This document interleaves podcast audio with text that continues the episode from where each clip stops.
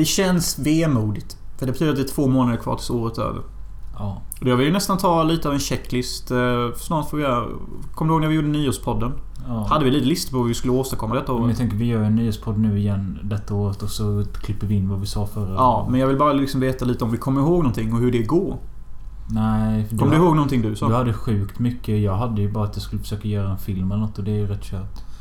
Du har fan inte gjort det än va? Nej men däremot så sa du till mig förra veckan att du ville spela in en kortfilm här om en Tinder-date. Ja. Och att den skulle vara jag har för mig ace. att jag typ sa att det skulle vara en långfilm tror jag. Jag kommer inte ihåg vad jag sa faktiskt. Jag vill faktiskt lära dig en grej nu. Okej. Men om du vill göra en film. Då måste du göra den.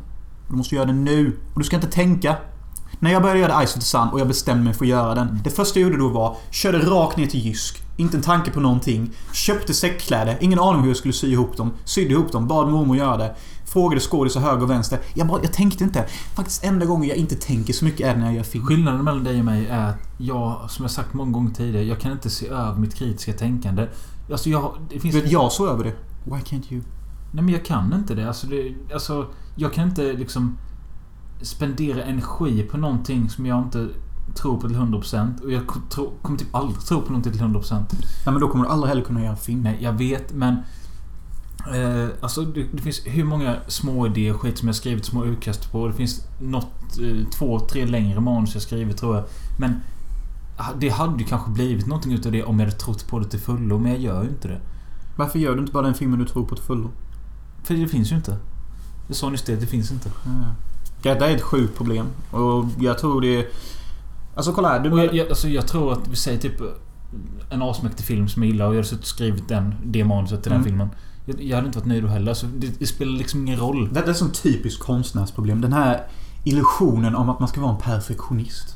Ja, men det behöver inte vara perfekt. Det är bara att jag ska känna att allting klaffar typ. Eller att... Alltså man får ju jobba på det medan man gör det. vet. Allting klaffar ju inte direkt. Har du inte sett hur många ändringar jag har gjort på den här filmen? Alltså om vi ska jämföra det med det allra första manus jag skrev. Det finns ju fan inget av det typ. Nej, jag vet. Man får ju liksom ändra ut eftersom.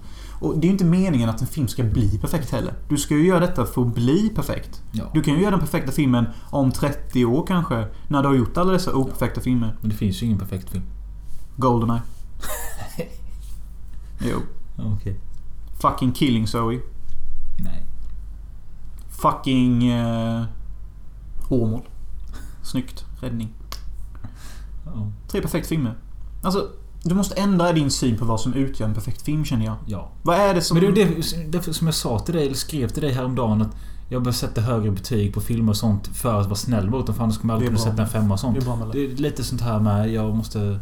Det är jättebra. Men jag menar så här, med, Jag tänker säga detta i snäll... Alltså, Mening. jag kan tåla hårda ord. Ja, men det sjuka är att jag tänker inte ens säga någonting som är dissande. Ändå Mm. så säger jag detta först. Men i alla fall. Alltså du är ju en bra filmkritiker. Du vet ju vad som utgör en bra scen och vad som utgör en bra film. Oftast. Eller hur? Du vet vad som är en fyra film, du vet vad som är en femma film. Ja, Okej. Lite diffust där, men du vet i alla fall vad som utgör en film till att vara en tre eller fyra. Så mycket är du med på noterna. Och du vet vad som utgör en film till att vara etta. Okej, då har du ju en baskunskap.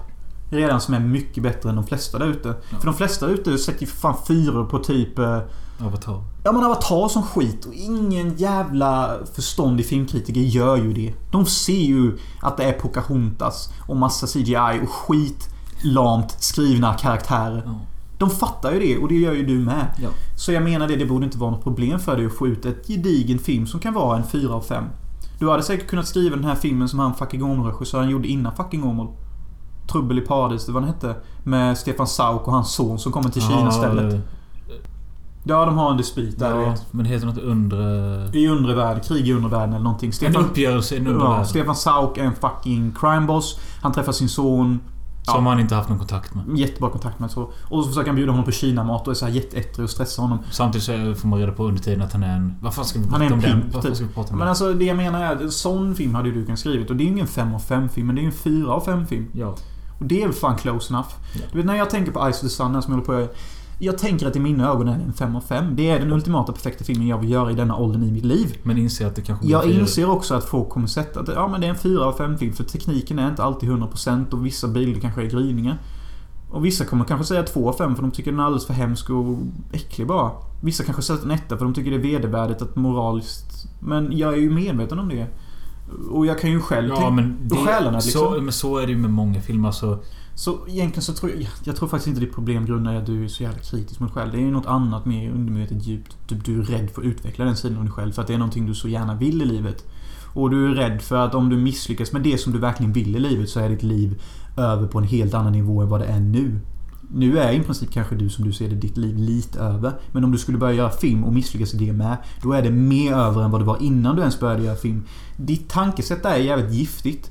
För att ditt liv är inte mer över bara för att du gör en kass film. Det är fan bättre då för att då har du i alla fall jobbat i en riktning du vill komma i. jag tror faktiskt du har för en gångs skull rätt många poänger. Mm, Tack Dr. Åsa. tack. Men som sagt. Jag är en ganska smart person. Och jag tänker mycket på sånt här för att jag genomgår en fas, en övergångsfas i mitt egna liv där jag tänker mycket Från på... människa till alien. jag tänker mycket på vad det är som håller mig tillbaka i livet. Om det är min osäkerhet kring grejer och sånt. Och så försöker jag jobba bort det. För att... Alltså, vi alla har ju dåliga sidor. Någon kanske snusar för mycket, någon kanske är för aggressiv. Men Man alla... kan inte snusa för mycket. Nej, men i alla fall alla de här små grejerna man har som håller emot en. Alltså det, det tar emot rätt mycket. Säg man har två eller tre dåliga egenskaper. Det är rätt mycket som håller tillbaka ändå. Mm. Alltså de måste bort för att man ska få sitt fulländade liv. Ja. Det är ju liksom bara någon, någonting jag brinner för och, vill- och, vill- och vill jobba med nu. Någon annan som brann för det han höll på med och det var film. Och det var Umberto Lenzi. Ja visst fan. Eh, italiensk snubbe som dog i förrgår när vi spelade in detta. Men eh, kanske någon vecka sedan när ni lyssnar på detta.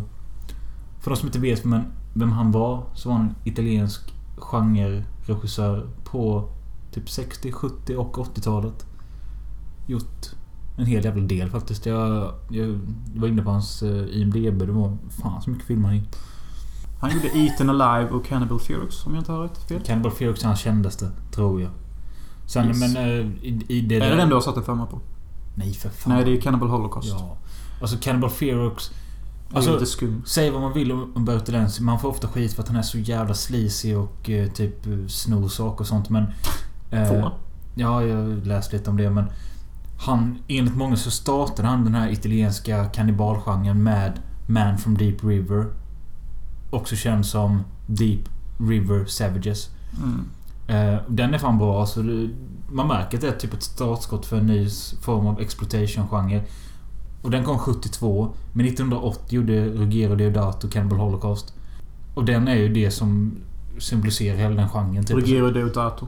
I fucking love that dude. Hans senaste film var fan skitbra. Ballad of Blood. Ja. Ja, men i alla fall. Eh, jo, Deodato blev ju kungen över kannibalfilm när han gjorde Holocaust. Och sen året efter tror jag så gjorde ju Lenzi, även fast han hade startat genren så hade han inte fått så stor success med det. Men då gjorde han ju... Först tror jag han gjorde Eaten Live och sen Cannibal Ferox, eller så var det tvärtom. Cannibal Ferox är väldigt likt till handlingen Cannibal Holocaust. Men Ferox är så mycket mer sleazy. Du vet, de drar in eh, krokar i pattarna på tjejerna och Mm. de äter några jävla aphjärna och sånt. Men Mm. Cannibal Ferox var den första kannibalfilmen jag såg och det var något helt nytt när jag såg den. Vi och- såg det med Simon. Ja, det med. Simon som vanligt kunde ju inte ta någonting på allvar. Nej. För när de skär av huvudet så blev det lite som ett godisond. Ja, just det. De Och då, och då, äter... då sa Simon, kom ihåg bara mm, godis. Ja. Jävla tönt. Ja men alltså på redigt typ. Och eh, då när jag fick reda på att han dog så tänkte alltså... Det var inte så att jag bara oh shit. shit. Nej men alltså jag reagerade typ inte. För jag har svårt att placera vilka filmer Filmer, Lenzi- ja men det är så med alla de italienarna. Typ Nej men nej, nej alltså speciellt Lenzi för att alla filmer jag har sett med honom har jag typ gett trio. De är Ja. mellanmjölken Ja. i den italienska exploitation. Han gjorde alla genrer Ja. och han gjorde det väldigt medelmåttigt. Ja. Det är aldrig sant. typ tråkigt att se av hans filmer, det är det inte. Det är bara det att jag kommer inte riktigt ihåg vilka det är han har gjort. Han gjorde ju den som jag såg här för ett halvår sedan. Almost Human. Ja, men det är väl en av hans utstående. Ja. Och den tycker jag också är rätt mellanmjölk. Ja, jag gav ju de här tre. Ja men alltså många hyllar den tycker den är skitbra. Men Jag- eh, så tänkte jag så bara okej, jag ska hedra Lenzi. Jag ska fan se en av hans filmer. Jag har ju bara Fear. Eaten Alive är ju rätt kul tycker jag. Jag såg Eaten Live ja. I only work for cash. Det är ju den killen ju. Ja, just det. Men eh, det jag reagerade på... Som, eftersom vi inte kommer prata om en av skräckfilmerna jag har sett för detta avsnittet som är Noroi, The Curse. En asiatisk skräckfilm. Vi skulle inte prata om den och du började prata om den. Ja, men det är för att vi kommer inte prata om den. Ja. Men jag vill bara flika in den här att Jag hade sett Norroy the Curse och Jag har alltid trott på den som en bra och ganska läskig film. Så laddade, jag laddade ner den och så ser jag att speltiden är en timme och 53 minuter. Och där så tänker jag att okej, okay, ska jag ta mitt liv nu eller sen? Uh, var den så dålig? Nej, men för att jag var så speltiden. Som skräck får typ inte vara så långt. Nej. Alltså jag vill ha mina på 85 minuter typ. Oh. Och du Nej. började prata om filmen. Det har du rätt i. Vi skiter i det. Men no Noroid the Curse. Den all, är kass, undvik den. Alldeles, alldeles för lång. En stor italienare har dött. Och Men jag, jag såg den och sen så dagen efter det. Nej, några timmar senare så såg jag Eaten Alive. Mm. Och bara direkt att... När jag såg introscenen. Det är bara att den svenska tjejen Janet Ågren går igenom New York. Och det är lite så här... Är de inte vid Niagara Falls? Nej, det vet Vid Kanada uppe. Som inte... Det är inte den filmen tror jag. Mm. Men i alla fall, hon går genom en stad och det är lite skön musik. Och bara där kände man att... Okej, okay, de kunde på 70-talet, eller detta är fan 80 men... De här italienska filmerna... De behöver inte ha något speciellt för att det ska vara lätt att titta på. Så det är en tjej som... Ja, hon är inte ful och hon går genom en stad och... Det är introt. Det är inget speciellt, det är filmat rätt taffligt och sånt. Men det är ändå mer underhållande än den två timmars skit jag nyss såg. Mm. Och den är bara 85 minuter, något sånt. Det kändes som en timme. Det bara försvann så. Ja, men många av de här italienska filmerna flyger ju bara förbi. Det är ju, det är ju så de är gjorda liksom. Om man inte är inne på giallo-genren. Giallo-genren är väl ett ägg i sig, som man säger kanske. Men eh, Lenzi har väl gjort... Ja, kort att säga, Eaten Live, det var andra Jo, han har gjort Seven Bloodstained Orchids. Ja, jag vet. Den såg att jag hade bara sett en tvåa på. Ja. Men den här Eyeball har han gjort med. Ja, mm. men den är ju den är ju faktiskt rätt bra Och Giallo. Spasmo tror jag du sett Ja, den har jag också. Skit eller? Ja, den är väl lite intressant så, men alltså den är skit. Men jag, jag såg ju om Eaten Live då och... Eh, jag, hade typ sett alla hans filmer. Ja, den har du sett Jonas. Och den har du också betygsatt. Men se, jag har ju sett alla hans filmer typ. Men det är lite som du säger, alltså Eaten Live det är ingen... Det är inte en av de bästa kannibalfilmerna. Nej, typ det. Nej, jag, håller, ah, jag, jag, håller, jag håller Holocaust och Mountain of the Cannibal, Cannibal God. Men jag älskar den när man anklagar honom för att han dricker. Så får han slåss om sin sprit typ. Och så blir han hedrad av eh, eh, konungen i indianstammen. Typ bara He deserves honor. He fight for his liquor. Typ. Jag vet inte om det är samma film. Jo, jo. Fast det är inte alls så de säger. Och de gör inte det med Jag vet de... att sektledaren spelar Ivan Rashimov som ja. är med i Vända jävla italiensk film. Han är cool som fan. Han är cool, han är stor, han är... Han, heter Jonas i filmen. Men är det inte skitkul när en av dem som de blir tillfångatagna med Sen blir nedburen på någon stor stol så. Ja, och så ja, står precis. han killen och kollar på henne bara She looks stoned out of her mind. Han säger det. Ja, She looks stoned out of her mind. Ja, jag tycker det är det. så sjukt kul. Det var det du filmade på ditt första Instagram-klipp. Ja, och upp för att jag tyckte det var så kul. She doesn't look good. She looks stoned out of her mind. Alltså, det är ju så episkt sagt som inte är sant. Det kommer jag ihåg mest av filmen. Sen kommer jag ihåg att de åker iväg med någon helikopter i slutet typ. Alltså det sjuka är så den jag kommer inte ihåg. Han är ju väldigt mellanmjölk. Ja. Så därför kunde jag inte shed no tears when he fucking died. Nej. I'm sorry. Jag, inte jag heller, men jag tyckte ändå så här bara okej. Okay. Är inte det rätt sjukt? Nej, men ändå. Han är ju ändå lite av en legend i genren typ. Men alltså handlar detta om att... Nej men han är... Om du gör de bästa filmerna så kommer du få mer folk att gråta. Tycker det är en grej vi missar här i samhället men... Men alltså sen finns det... Jag tror jag hade sett så här typ fem eller sex av hans filmer och du hade sett sju eller åtta eller något sånt. I know. Uh, men det finns ju några som jag fortfarande tror på. Typ någon heter Manhunt in... Indonesia. I någonting. Och sen så den som jag tror på med The Cynic, The Rat and the Fist. Bara titeln är ju en femma typ. Ja. Men han gör nog bättre crime och sånt. Det passar Ja. hans filmstil mer typ. Så ja, uh, Lenzi Boy har ju stukat. Uh, Rugged. Tau tror jag är en stark tvåa nu som åker. Tyvärr. Mm. Fast han gjorde ju en film för några år sedan så han kanske har hugget kvar. Det var typ förra året bara. Den är fan fet alltså. Och du såg aldrig färdigt den. Nej. Det är fan skitkul. De råkar ju mörda fel person och så kollar de på liket och bara What the fuck you push over the edge for man? Men det, jag vet att vi pratade om den nu för några poddar sen, typ ett halvår sedan eller något. Men eh, det jag tyckte var kul med den, det var för att se hur en exploitation-regissör gör film idag. Och det, det var ju liksom Det är typ porrfilmskvalitet med budget. Ja, ser det ut som. så skitfyllt foto typ som ändå Nej men funkar. alltså och- det, det, alltså det är inte skitfullt i att det är, det är fula vinklar. Det är det inte. Det är snygga vinklar. Det är bara det att själva ljussättningen Ja, och toningen ser sådär, du vet så här obehagligt hemmagjort ut för vissa säkert. Men väldigt så här skönt hemmagjort ut Ja, för men typ andra. som du och jag ska spela in porrfilm här inne och använder Med- lava- med- lavalampan. Ja, typ. med okej ljussättning Ja. liksom. Alltså det, är, så- ja, det är så svårt att sätta fingret på just denna ljussättningen men alla som har sett det vet exakt vad fan man menar. Alltså jag vet bara inte hur jag ska få ut det. Rent... Nej, nej jag, jag fattar. Eh, men det var därför jag tänkte på mig när... Ja, men den är, den är lite som Blå Måndag i ljussättningen. Det är det här... eh, Ja, det- kul. För att ska ge en bild till lyssnare. Han vet Blå Måndag. Ja, den, den filmen som ingen har sett typ. Men det är någon svensk crime som kom 2004 eller någonting. Ja. Kass. Ja. Men typ kul film. Men jo, vad var det jag skulle säga? Jo, det är ju det att eh, man borde kolla in de här...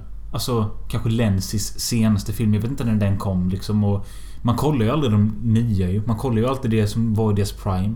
Ja, jag gillar dock att se lite mer deras nya. Jag är ju skitexalterad att Ruggie D. Tau fortfarande gjorde den. Det Ja. kändes ju nice. Jag hoppas bara någon annan av de där dassiga jävlarna gör. Men det är liksom... Argento försöker fortfarande... Men han verkar ju bara gubbsjuk nu gör någon jävla Dracula som bara knullar typ. Jag har inte sett den, men jag såg ju...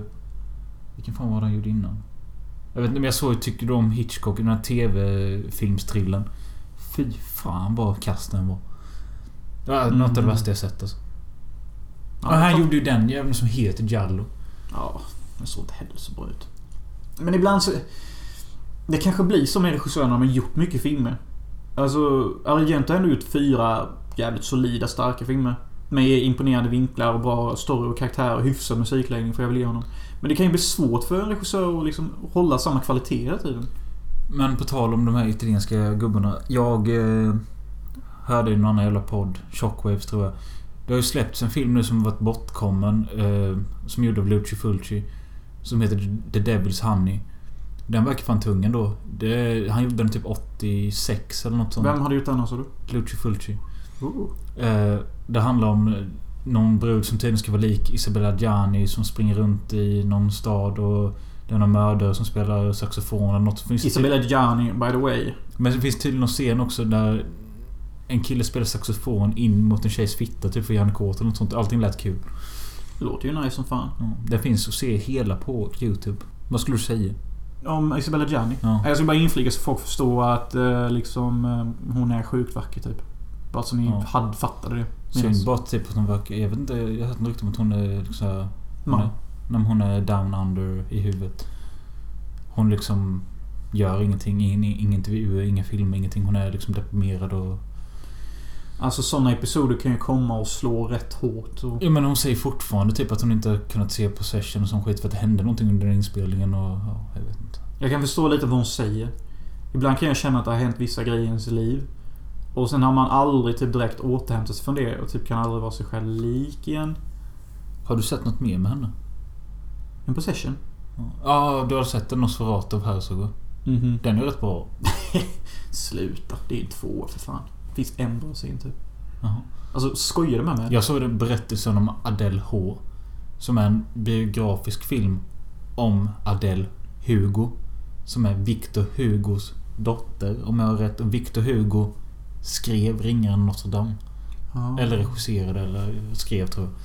Men Uh, och sen jag skrev han boken eller? jag han- vet inte fan. Men sen så vet jag Och såg... varför sa du Victor Hugo som att det var ett all household name? Jag Jag bara satte bara Victor Hugo. Ibland förvånas jag över mig själv att jag kommer ihåg vissa namn. Jo. Eh, men... Jo, jag såg ju den med det här med Jean-Pierre Anglade, eller vad fan han heter. Jean Anglade. Mm. Killing So, vad heter han? Jean Hugh Anglais. Ja. Jag såg en film med... För efter jag såg Possession så blev jag ju typ kär i Adjani så jag köpte en massa filmer med henne. Masturbated alert. Ja. Men... eh, jag såg ju Drottning Margot med. Ja, så kass. Så jävla kass men det blev blodigt mot slutet fan och... Uh, vad fan pratar vi så mycket om Adjani för? You're clearly in love with her. You have a Mm. mental disorder. You should go in the corner and be ashamed of your sexual desires. Because that's the society we live in now. Detta var alltså RIP Lenzi-segmentet. Mm. Det är väldigt lätt att börja prata om Lenzi och sen börja prata om andra. Jag tycker det säger mycket om vad han gjorde för filmindustrin. Det säger väl något om italienska genren överlag eftersom som du sa, man håller inte reda på vem som har gjort vad och... Det är inte, det är inte så lätt. Nej men liksom Bruno Mattei, Joe D'Amato, Deodato... Chris Franco. Ja. Alltså det är ju väl, kanske väldigt lätt att se en Jess Franco-film och en Argento-film. Men det är för att de är typ på två sidor av samma mynt. Mm. Så det är jävligt lätt att skilja dem åt. Men alla andra ligger typ där och smeker varandra i mitten typ. Sergio Martino. Sergio Martino jag tycker jag dock är lite ut så. Hans filmer vet jag vilka de är för jag känner igen hans stil typ. Och han är någon, jag tycker nästan han är bättre än Argento. För han har lite mer fart i sina filmer och musiklägger bättre också. Mm. Och han vågar göra lite mer konstnärliga Jag vet inte om agenter försökt bevisa någonting med musikläggning. Att eh, man kan sätta musik till otakt i scenerna med för det funkar. Men det Jag gör vet inte det. vad han tänkte när han musiklagde fucking Iron Maiden till en långsam gåscen liksom. Jag har ingen aning vad han tänker. Marcus sa ju typ, för vi tog upp detta med honom, känd filmnörd i vårt gäng. Som inte är vårt gäng, men vi hänger ibland. Sett många filmer i alla fall. Och han sa ju det om detta att det är film Jonas, sa han. Jag tror han försökte säga till mig att det är lite som en operafilm. Att det behöver inte klippas i takt liksom. Men är det inte också bara för att försöka försvara sin eh, house god eller något sånt? Kan vara lite så för att För det är ju skit. Jag stör mig också på människor som säger så här typ när det klipps mycket filmer och sånt. Och de, de säger så varför klipper de så mycket? Alltså, Men alltså kolla. Det, detta handlar inte om klippning eller någonting. för det är lite. Han hade ju kunnat klippa Ja, det. ja men lyssna nu. Hade han bara haft den gångscenen som är i Fenomena eller vilken nu är. Jo, det är Fenomena. Han hade inte behövt ha den låten. Nej, men han valde att ha den låten ändå. Men det finns, det finns ju något annat liknande exempel i opera vet jag. Filmen Mm. opera. Det är enda gången jag tycker typ, kanske typ på någon liten nivå det funkar. Men det hade funkat så mycket bättre med annan musik. Men som jag brukar säga och jag har sagt det många gånger. Det blir inte en Argento-film utan lite malplacerad musik. Precis. Och alla hans bästa filmer har ju det. Jag tycker Opera är hans bästa. Faktiskt. Många tycker Suspiria är en 5 av 5. Den kanske inte har opassande musik någonstans. Nej, det har de inte. Men den har... Jo, det kanske är någon när hon kör bil i regnet. Då är det väldigt aggressiv musik. Det är en väldigt... Ja, just det. Dun, dun, dun, dun, Ja. Då kommer jag ihåg, jag kommer ihåg när vi såg det. Vi båda tyckte också det var lite off. Men annars har inte den filmen så mycket Nej, så. men det är för att soundtracket är så pass lugnt hela tiden. Ja, det är fan tur det. Men jag tror bara liksom gubben kanske inte direkt har något direkt sinne för musik och klippbilder. Nej, men... Han kanske har det. Men alltså... Han kanske ska vara glad över att han fick så jävla bra musik till sina filmer. Ja, men eller så, så om, vi, om vi tar fallet till Fenomena då att... Ja, vad är det för heta band som finns i USA nu? Iron Maiden, Motörhead. Men jag tyckte ändå det var ett intressant idé. Det var kul att han försökte sig på det. Ja. Det funkade bara inte. Kunde lagt det till och med... Typ någon där kanske apan attackerar eller något. Ja, det har varit coolare. Inte bara ha att hon går runt i ett vitt linne någonstans Mm. typ. Och det borde bara ligga drömsk musik. Men annars, utöver de här jävla malplacerade hårdrockslåten Fenomena så har den as på soundtrack. Och jag tänker inte på eh, intromusiken. Utan jag tänker på det här som är så jävla gött med den här gitarren.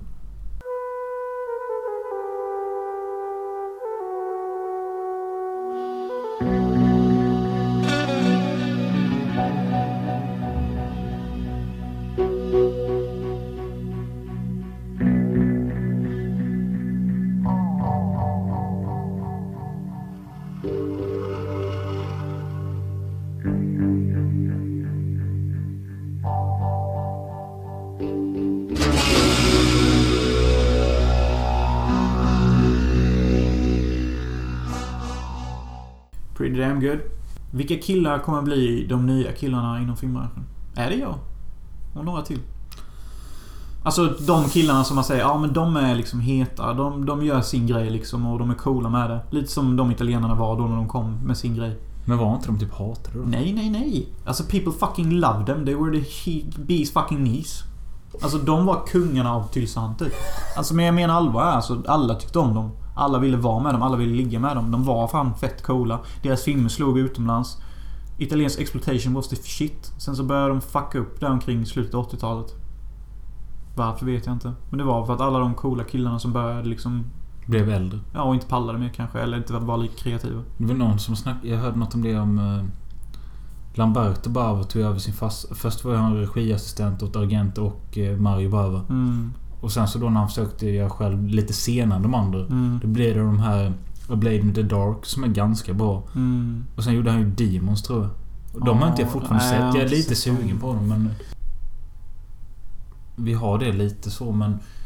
Det har varit problem denna veckan att se filmer och sånt så det har inte blivit så mycket sånt. Eh, Jag försöker ju fortfarande hålla på. Jag har ju ett projekt där jag ska försöka se 365 filmer detta året. Sen har jag ett miniprojekt i det projektet som har varit med start den 17 september där jag skulle se skräckfilmer så många jag kunde fram tills Halloween. Eh, Det kommer jag inte uppdatera på förrän det är klart. Eh, Men vi har i alla fall sett en film båda två. Och det är ju The Babysitter. Ja, fan det har vi ju. Enda problemet med The Babysitter Det var att jag såg den i sällskap med... Alltså, detta är också en sak jag vill prata om. Det är att jag har tänkt mycket på det här med att Alex von Polo skrev igår i... I vår gruppchatt att... eh, Fan vad man älskar att se film med två polare. Bara allting är så gött. Ja. Jag vet inte om han var full eller inte men det var sött i alla fall. Eh, och jag tänker ofta så att fan vad jag vill ha det så att okej söndagen är en chilldag. Vi har en filmkväll, vi ser tre sköna filmer under dagen typ. Och sen så bara går vi hem och lägger oss och vaknar upp till en ny må- skitmåndag. Mm. Men... Så jag kommit på att det kommer aldrig funka. I alla fall inte på det... Det drömscenariot jag har i huvudet. Liksom där man liksom samlas, äter lite gott och kollar en film och... Kanske snackar lite om den efter. Sen ser man en till skön film. Alltså... Så det, behöver- det blandar något man inte har sett blandat med något känt. Vi säger... Man ser American Pie, man ser Scream och sen ser man en helt ny film. Mm. Något som är som. Som är för den breda publiken typ. Det är en gott blandat i filmversion. Ja, och så vill jag verkligen ha det men det kommer aldrig att funka med mitt umgänge för att när vi satt här förra veckan så var det... Jag behöver inte nämna några namn men vi var... En, två... Tre, fyra... Vi var fyra inklusive mig så vi var tre till. Mm. Men det är... Det, jag tycker inte riktigt om det. Att se film med andra än med dig.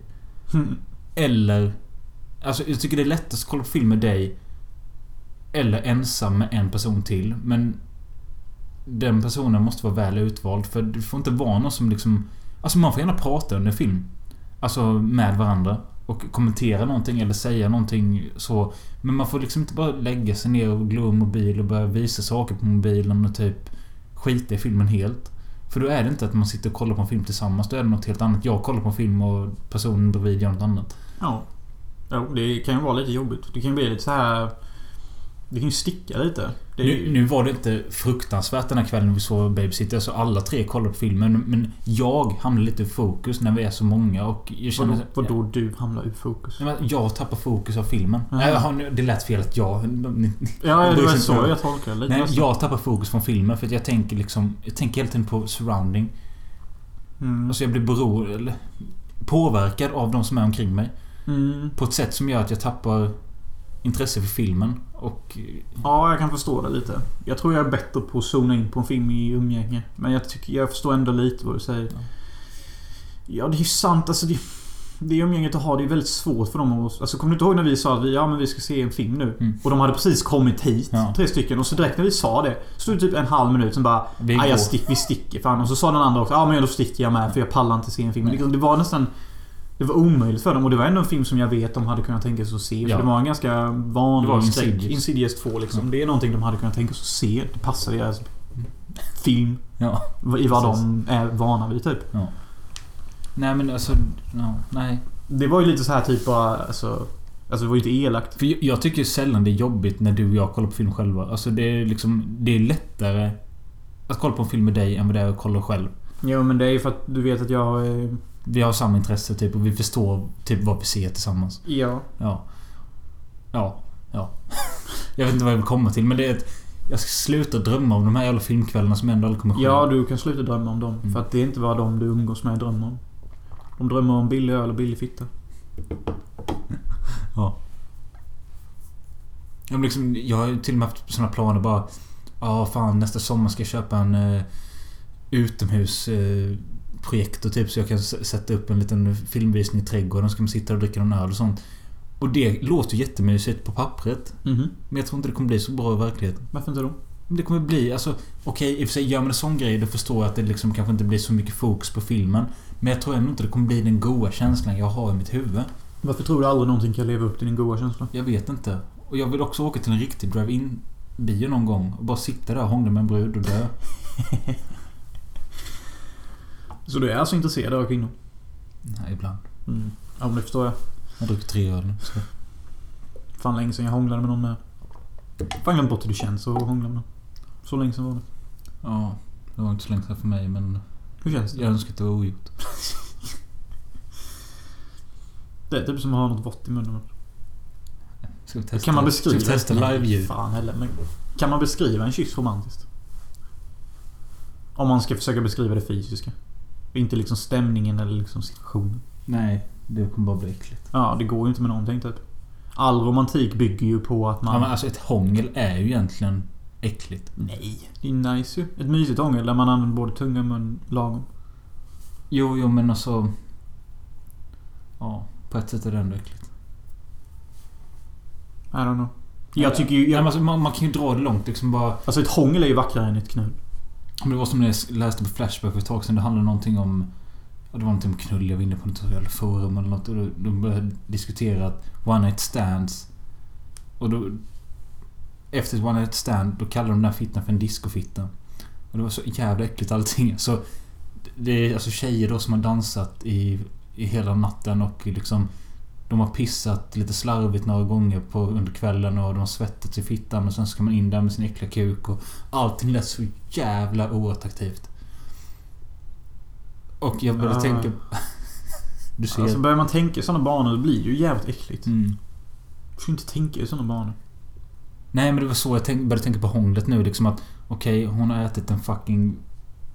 Ja men tänk istället så här. Du träffar någon på beachen. Hon är nyduschad från sin Och lägenhet. jag- får fan ta tillbaka lite. Jag tänker inte bara att hon, utan ofta när jag kommer i närhet med en tjej, då tänker jag mest på mig själv. Hur uppfattas min andedräkt? Hur uppfattas min käft? Jag vill inte vara den som hon kommer säga till sina polare. Vilken jävla äcklig käft han hade eller något sånt. Det är det jag är mest rädd för. Hellre att hon är äcklig och jag kan få säga det till mina polare. Ja men, alltså, Ja, ja men så tänker nog många. Du får ju tugga med tugga men inte snusa så jävla mycket. Men detta är ingenting jag säger att jag har dålig breath överlag. Utan det är bara det att jag brukar oroa mig för sånt om jag känner att den här tjejen kommer det bli någonting med. Ja, jag kan förstå det. Känner samma sak. Tror jag. Ja, vad var vi? The Babysitter och jag hade varit sällskap här och jag såg den med sällskap. Du såg den själv. Därför Mm. hoppas jag att du kommer ihåg den bättre än vad jag gör. Men Ja, men jag kommer ihåg den rätt bra. kort så... Skulle sett den när jag var 14 tror jag bara. Den var väldigt lik Better Watch Out som vi pratade om förra podden. Ja. På många sätt. Det är en ung kille som är väldigt jävla extremt eh, puttinuttad av sina föräldrar. Och han är livrädd för allting i livet typ. Ja. Ja men... Han verkar ju inte jätte... ja, men han manar ju upp under filmens gång. Ja. Men i... I början så är det liksom... Han, är, alltså han ska övningsköra men han är rädd för att köra och... Han är rädd för allting. Just det, det har du fan rätt i ja. Det har jag fan glömt bort det. Och han är ju självklart mobbad då. Men eh, han blir... Han har en ursnygg och jävligt härlig babysitter som han typ är polare med. Och det är det också. Han är typ 12... Nej, han är 14... tre- 12. Han är 13 eller Ja. någonting. Och det, Han är för gammal för en babysitter. Ja, precis. Han är för gammal för en babysitter. Vilket killen i Better Watch Out också är egentligen. Men i Babysitter då... Eh, ganska tidigt sen så blir han trakasserad av sina mobbar då och så kommer den här snygga äldre Och babys- rädda honom Ja. från den. Och de verkar ju ha asgött ihop. Ja, de har väldigt djupa samtal och de är nästan pojkvän och flickvän match made in heaven. Bara det att de är liksom fem år separated typ. Och jag gillar det, vet, hon teasar honom så bara... Ja men på fredag när jag ska vakta dig så kör vi en fest typ och... De festar ju tillsammans ju. Mhm. Och det är lite cringe men det är också gött. Det minns jag fan inte. Nej men de är ju i hans hus och så går de runt och dansar där. Och, Ja, just det. De har ett dansmontage eller Ja. någonting tillsammans. och sen så sitter de och drar lines från olika filmer också. Ja, just det. Just Sen det. gör de så här bara, okej, vilken är den ultimata truppen för att rädda världen? Så drar Ja. de olika filmkaraktärer och Ja, då kommer det upp såna visuella hjälpmedel som man Ja. ser vad du snackar om. Det är väldigt modernt. Väldigt snyggt filmat. Fan, väldigt innovativa vinklar. Inte såna här vinklar man kan sätta upp på en post och bara ah, kolla den bilden. Nej. Utan mer såna här... Ja, det är snitsiga, coola vinklar här. Liksom, Men är, jag älskar du vet sånt snack. Det har jag sagt innan. Att jag älskar att snacka om populärkultur i filmer. Du vet. Men det är ju så jävla typiskt. Ja, men det är också sånt som man själv kan sn- snacka om när man inte har någonting att göra. Är bara, Okej, om vi ska göra den ultimata truppen för att rädda världen. Vi får ta vilken fiktionell karaktär som helst. Vilka väljer Jo du? men alla de här filmerna som kommer nu De är ju som en produkt av sin tid. Vi är ju så nostalgiska så det är ohälsosamt. Mm, ja, det är möjligt. Och den här jävla rullen jag är med den kommer också vara en produkt, filmprodukt av sin tid. För den kommer också vara bara nostalgiska grejer, massa referenser och sånt. Det är massor, vi kommer se många sådana filmer just nu för att när vi föddes, de killarna har blivit Mm. regissörer nu. Och det som jag hade som starkast exempel av sådana filmer innan den här nya tiden. Det var ju liksom Clerks-filmerna. Där de alltid snackade om Sagan om ringen eller Star Wars. Även fast jag kanske inte är så intresserad av Star Wars eller Sagan om ringen. Så blir det liksom ändå kul att höra för att det är någonting man själv hade kunnat säga om... Ja. Med tanke... Specie, speciellt vi filmnördar. Vi kan liksom...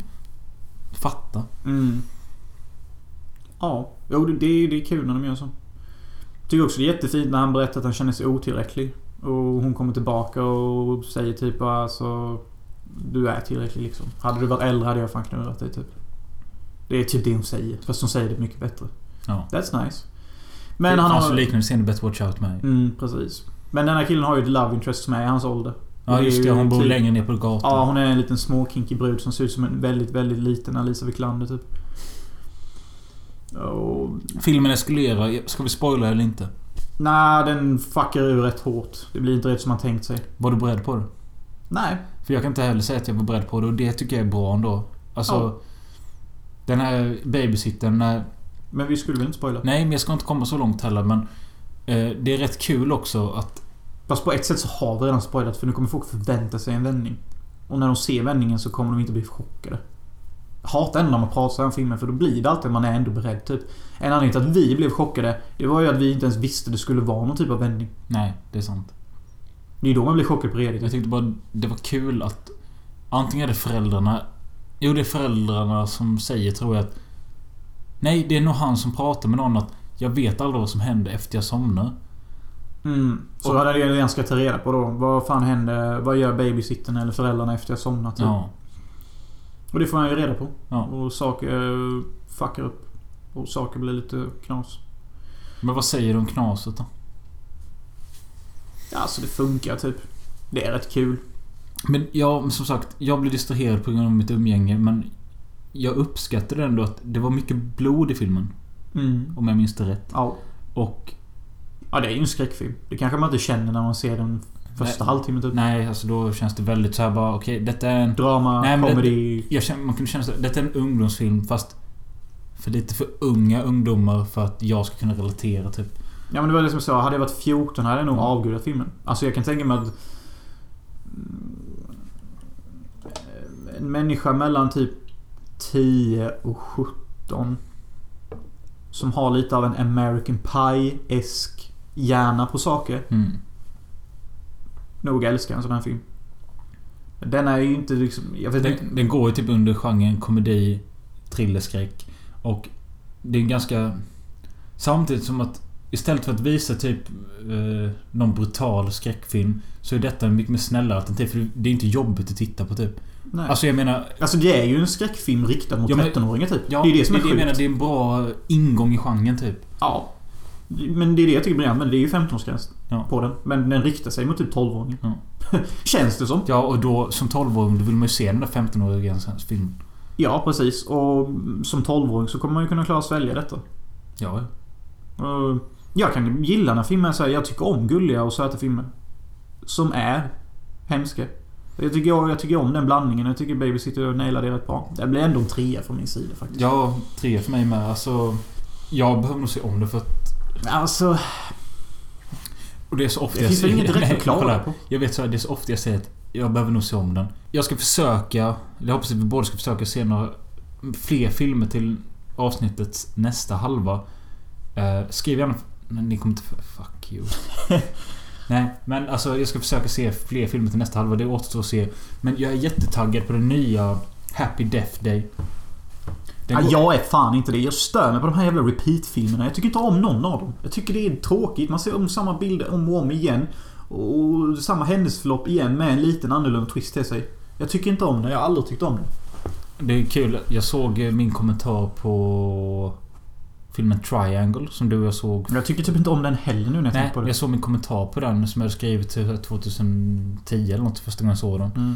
Bara, jag har sån jävla problem med repetitiva filmer som eh, Groundhog Day och bla bla bla. Ja men det blir så tradigt typ. Men så jag kommer på efter jag såg eh, Bef- Before I Fall. Den jag visade med dig med de unga tjejerna. Ja. Och en tjej som lever sin dag om och om igen. Ja. Den fick mitt nya intresse för den här typen av loop-genren. ja, för att de går lite i olika riktningar. Men Ja. det är alltid det här... Det är alltid samma i de här filmerna. Andra dagen skiljer sig aldrig från alla filmer åt. Det, det är ungefär snarlikt exakt samma mönster. Tredje mönstret, när det blir en tredje dag. Då börjar filmerna spacea ut lite. Men jag avskyr just andra dagen. Att det alltid är en repeat fast lite snabbare på exakt samma dag vi nyss sett. Och det, jag förstår inte varför det stör mig så jävla mycket. Men det gör det. Det stör mig något otroligt mycket. Jag har skitsvårt för det. För det är liksom där, jag har precis exakt fucking sett det och jag visste att ni exakt fucking skulle lägga upp ungefär exakt samma fucking bilder. Och ni fucking gjorde det. Och när ni tvingat mig att se samma scen igen direkt efter jag nyss har sett den, fast lite snabbare. Finns det någon skräckfilm du vill se den kommande veckan? MFA, bitch. MFA är alltså en rape-drama-thriller som Jonas vill se och jag har gått med på att se den fast det inte passar in i mitt Ja, fina oktoberskräck-tema. Men, ja visst. Men utöver den då? Happy Death Day. Du vill inte se den? Den går inte att se än. Den går på bio nu. Alltså jag vill ju se den för att se den. Ja. Jag vet ju att jag kommer avsky andra dagen. Det vet jag ju. Jag kan väl se den ändå. Men alltså, men alltså jag känner mig så jävla öppen så vet jag kan se vilken jävla skräckis som helst. Ja, ja. Det säger du nu ja. Sen sätter du på Nori. Så vill du runka. Men alltså, jag funderar. Jag har inte sett Paranormal, paranormal Activity. Ah, det var För- typ jag. När det kom... Det är så, inte bra alltså. När det kom var jag så jävla anti. Jag är fortfarande lite anti, men för det är ändå på ge en chans liksom. Mm, och sitt kvar för i programmets andra halva så ska vi också berätta hur det har gått för min ritual. Du skulle fan göra ritualen i podden. Ja just det, jag ska göra ritualen i podden så stay fucking Sen har vi sagt att vi ska besöka kyrkogården med. Ska vi göra båda? Jo. Ja. Det gör vi väl. Kanske. Vi får åka dit någon natt. Ja. Nej, men... Eh, Stay tuned for the next pod. hej. Tju.